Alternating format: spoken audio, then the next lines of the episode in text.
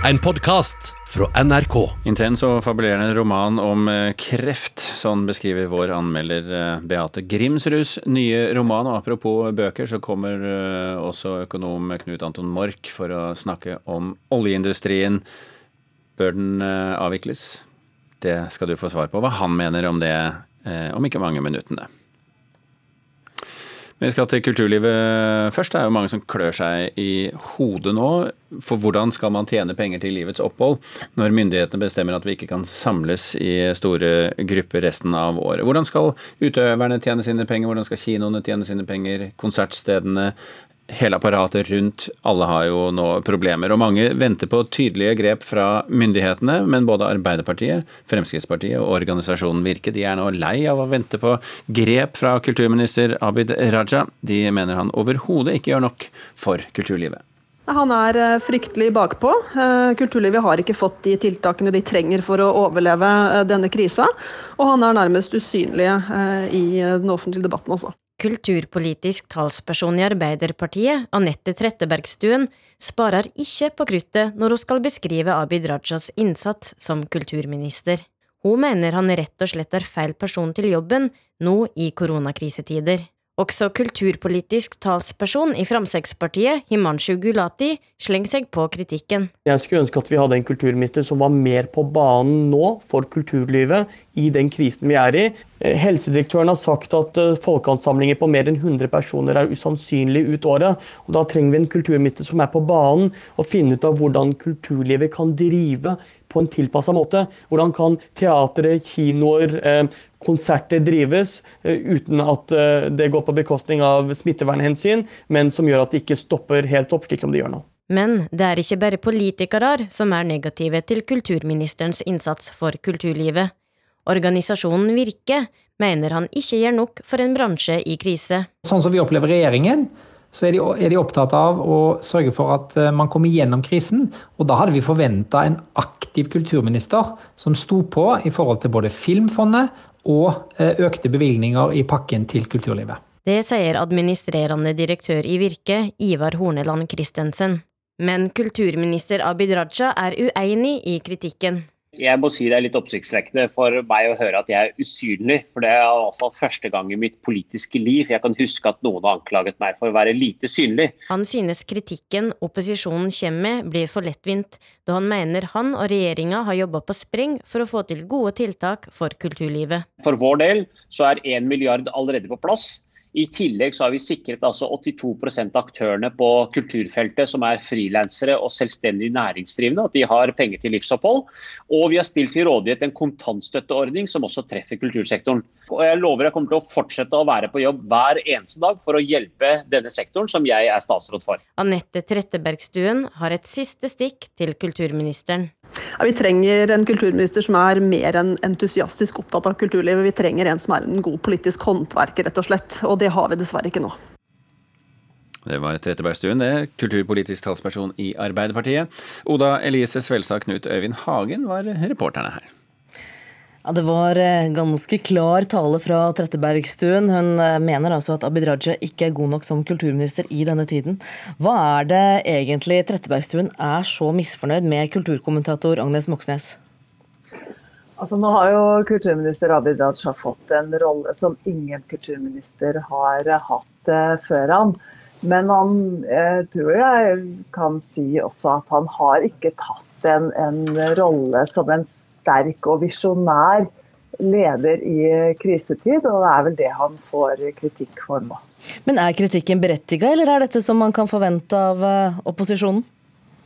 Altså, han har jo et, eh, antageligvis et begrenset handlingsrom. Det er regjeringen og hans lojalitet til den, og til helsemyndighetene som nok eh, styrer mye av kulturpolitikken per dags dato. Men det er nok særlig, tror jeg, hans eh, og regjeringens eh, måte å, å handle på i eh, spørsmål om festivalsommer som har frustrert veldig, veldig mange. Fordi at allerede i mars, da, vi, da det ble forbud mot større forsamlinger, så visste jo alle i Festival-Norge og fest, når det gjelder festspill og spel og sånt nå, at eh, det verste liksom, smittestedet det er blant eh, publikum i sånne settinger som dette her.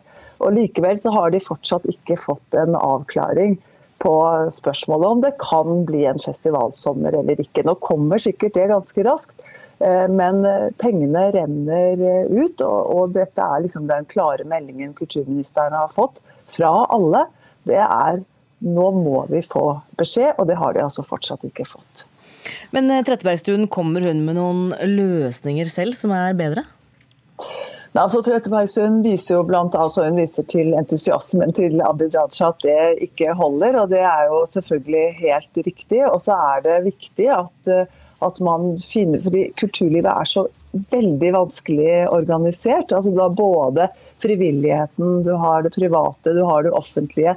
Det er bitte små bedrifter, det er frilansere det er selvstendig næringsdrivende. Sånn at det er et vanskelig felt å få oversikt over. Og, og det er nok mange som syns at, at, det fortsatt står mye igjen før man får kompensert på en god nok måte. Eh, samtidig så, så, er det en ekstrem situasjon for norsk kulturliv. Alt har vært stengt ned. Altså Alle de naturlige stedene kulturlivet er på, til stede på, skal være til stede på, det er lukket og låst, og det er nesten helt stille. Men det er ikke stille overalt. og I går kveld så kom jo tallene fra Netflix bl.a. Eh, som har økt eh, antall abonnenter med 16 millioner siden koronaen traff verden. Og Det sier noe om hvor det vokser og hvor det står stille. Og I en sånn situasjon som, dette, som det vi er i nå, og vi vet ikke når kulturlivet kan åpne for fullt, så er det et veldig stort behov for en plan B. Og det forventes egentlig at, eh, at en kulturminister nå tar rollen som en nasjonal leder for å utvikle denne plan B. Og den posisjonen syns jeg nok ikke Abid Raja har tatt. Takk skal du ha, kulturkommentator Agnes eh, Moxnes. Mange kjendiser fra underholdningsverden ønsker å bidra til veldedighet og bekjempelse av covid-19. Nå skal vi få høre litt om hva skuespillerne Ashton Kutcher og Mila Kunis ønsker å eh, bidra med. Hey, uh, these Hello. are unprecedented times that we're living in, and uh, unprecedented times call for unprecedented. More drinking. That's not what you were going to say. I was going to say unprecedented measures, but you say more drinking. I like it. More drinking. Eh, de oppfordrer altså litt lattermildt til eh, å drikke mer nå. Eh, hvorfor det, kulturreporter Knut Øyvind Hagen? Jo, det er sånn at Kjendisparet har fått produsert en karantenevin, en Carantine Wine. Og alle inntekter fra vinsalget skal gå til veldedige formål. De har valgt fire frivillige organisasjoner som jobber for enkeltmennesker og bedrifter som er rammet av koronakrisen. Så de ønsker og oppfordrer oss altså til å heve glasset for en god sak. Vi skal holde oss til USA, noen som eh, definitivt får store inntekter og profitterer på at folk er mer innendørs om dagen. Det er, eh, som også Agnes Moxnes nettopp sa, Netflix. Ja, strømmegiganten fikk altså 16 millioner nye abonnenter første kvartal i år. Det viser ferske tall, og det er langt over det man hadde budsjettert med. En rekordstor økning. Men Hva sier strømmegiganten selv om eh, disse tallene? De begrunner det også med den nye hjemmesituasjonen for mennesker over hele verden. Et av de mest populære tilbudene nå er jo serien Tiger King. Den går viralt over hele verden. Det er så sprøtt og ellevilt som bare amerikanerne kan lage det. Men i en verden med virusfrykt, så er det kanskje godt med en midlertidig flukt til eh, underholdningens vidunderlige verden. Takk skal du ha, Knut Evin Hagen, kulturreporter. Vil man ikke se eh, på Tiger King så kan man lese bøker. For dronningen av kule boktitler, Beate Grimsrud, hun er eh, nå ute med en ny roman. Hennes tidligere romaner de har jo høstet priser både i Norge og i Sverige, der hun for øvrig også bor. Blant annet så fikk hun P2-lytternes romanpris for romanen 'Søvnens lekkasje' for noen år siden. Og der gikk eh, hun langt inn i den særegne logikken, eller mangel på sådan, som finnes i drømmene våre. Noe P2-lytterne altså falt for. Nå er hun ute med romanen 'Jeg foreslår at vi våkner'. Så Marta Norheim, litteraturkritiker her i NRK, skal vi tolke det dit hen at vi fremdeles er i drømmenes verden? Eh, ja og nei. Det er alltid noe med drømmer når det gjelder Beate Grimsrud. Men eh, hovedsaken her er mer eh, håndfast. Altså hovedpersonen eh, Vilde Berg får brystkreft. Og vi følger henne da ifra diagnose via behandling, tilbakeslag, folk hun møter på sykehuset, familie og venner osv. Så sånn. Vilde Berg er en dramatiker som bor og arbeider i Sverige, som eh, driver med boksing i tillegg til å være dramatiker osv. Eh, hun har jo opptil flere punkt felles med sin forfatter. Eh, men Grimsrud er tydelig på at dette ikke er biografisk. Men det er tydelig likevel at forfatteren har brukt sine egne erfaringer og blanda det med barndomsskildringer fra Dovre, faktisk. Der hun skremmer og fascinerer de andre barna. Med eventyr, med diskusjoner om alt, og spesielt om dikting. Og om fabuleringer og drømmer i Beate Grimsruds stil. Hva er Beate Grimsruds stil, vil du si?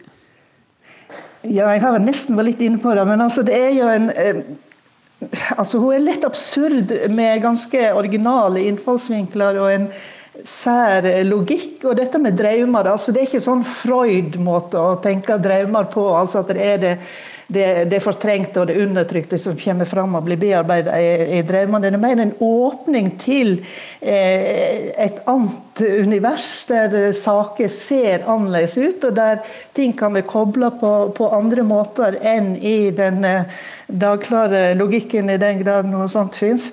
Um, men det er på en måte en, en, viktig ressurs i livet. Det er ikke egentlig en religiøs forståing, men mer en sånn utviding av, av perspektivene. Um, hun har noen språklige finter. Hun har ofte en hovedperson som ikke er helt hjemme i verden, men som klarer seg ganske bra uh, likevel. Uh, hun har kort sagt sin egen sound som uh, lesere vil kjenne igjen. Hun er litt absurd. altså Du nevnte noen titler her i stad. Um, har noen sett meg i et annet sted? Det er en sånn tittel. Det fins grenser for hva jeg ikke forstår. Hva sier du? Å smyge seg forbi en øks. Å smyge seg forbi en øks. Altså, det er det riktige, hun er dronning av kule titler. Mm. Men eh, en roman på drøyt 500 sider om kreft, er det, er det tingene å ta for seg akkurat nå? Ja, jeg spurte meg sjøl eh, om det da denne boka kom, og svaret var at når det kommer en ny bok av Beate Grimsrud, da må en lese den eh, egentlig uansett, fordi at hun er en viktig forfatter. Det er vel kanskje òg sånn at eh, vi nå vil lese om eh, det vanskelige og eh, det usikre. Um, hun er svært direkte på sykdommen her. Um, smerte, hva det gjør med livet hennes. I begynnelsen så tenker hun dette er noe en kan fikse i en fei, jeg har ikke tid til å være syk, kalenderen er full. Og så viser det seg at det er et veldig mye lengre perspektiv. Det er jo noen paralleller der kanskje til det livet vi, lever nå. Ehm, men så er det jo også sånn at eh, gode bøker kan løfte også slike erfaringer. Og det syns jeg at eh, at denne boka gjør. da.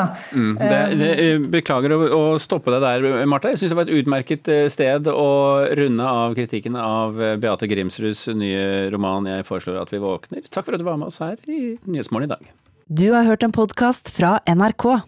Hør flere podkaster og din NRK-kanal i appen NRK Radio.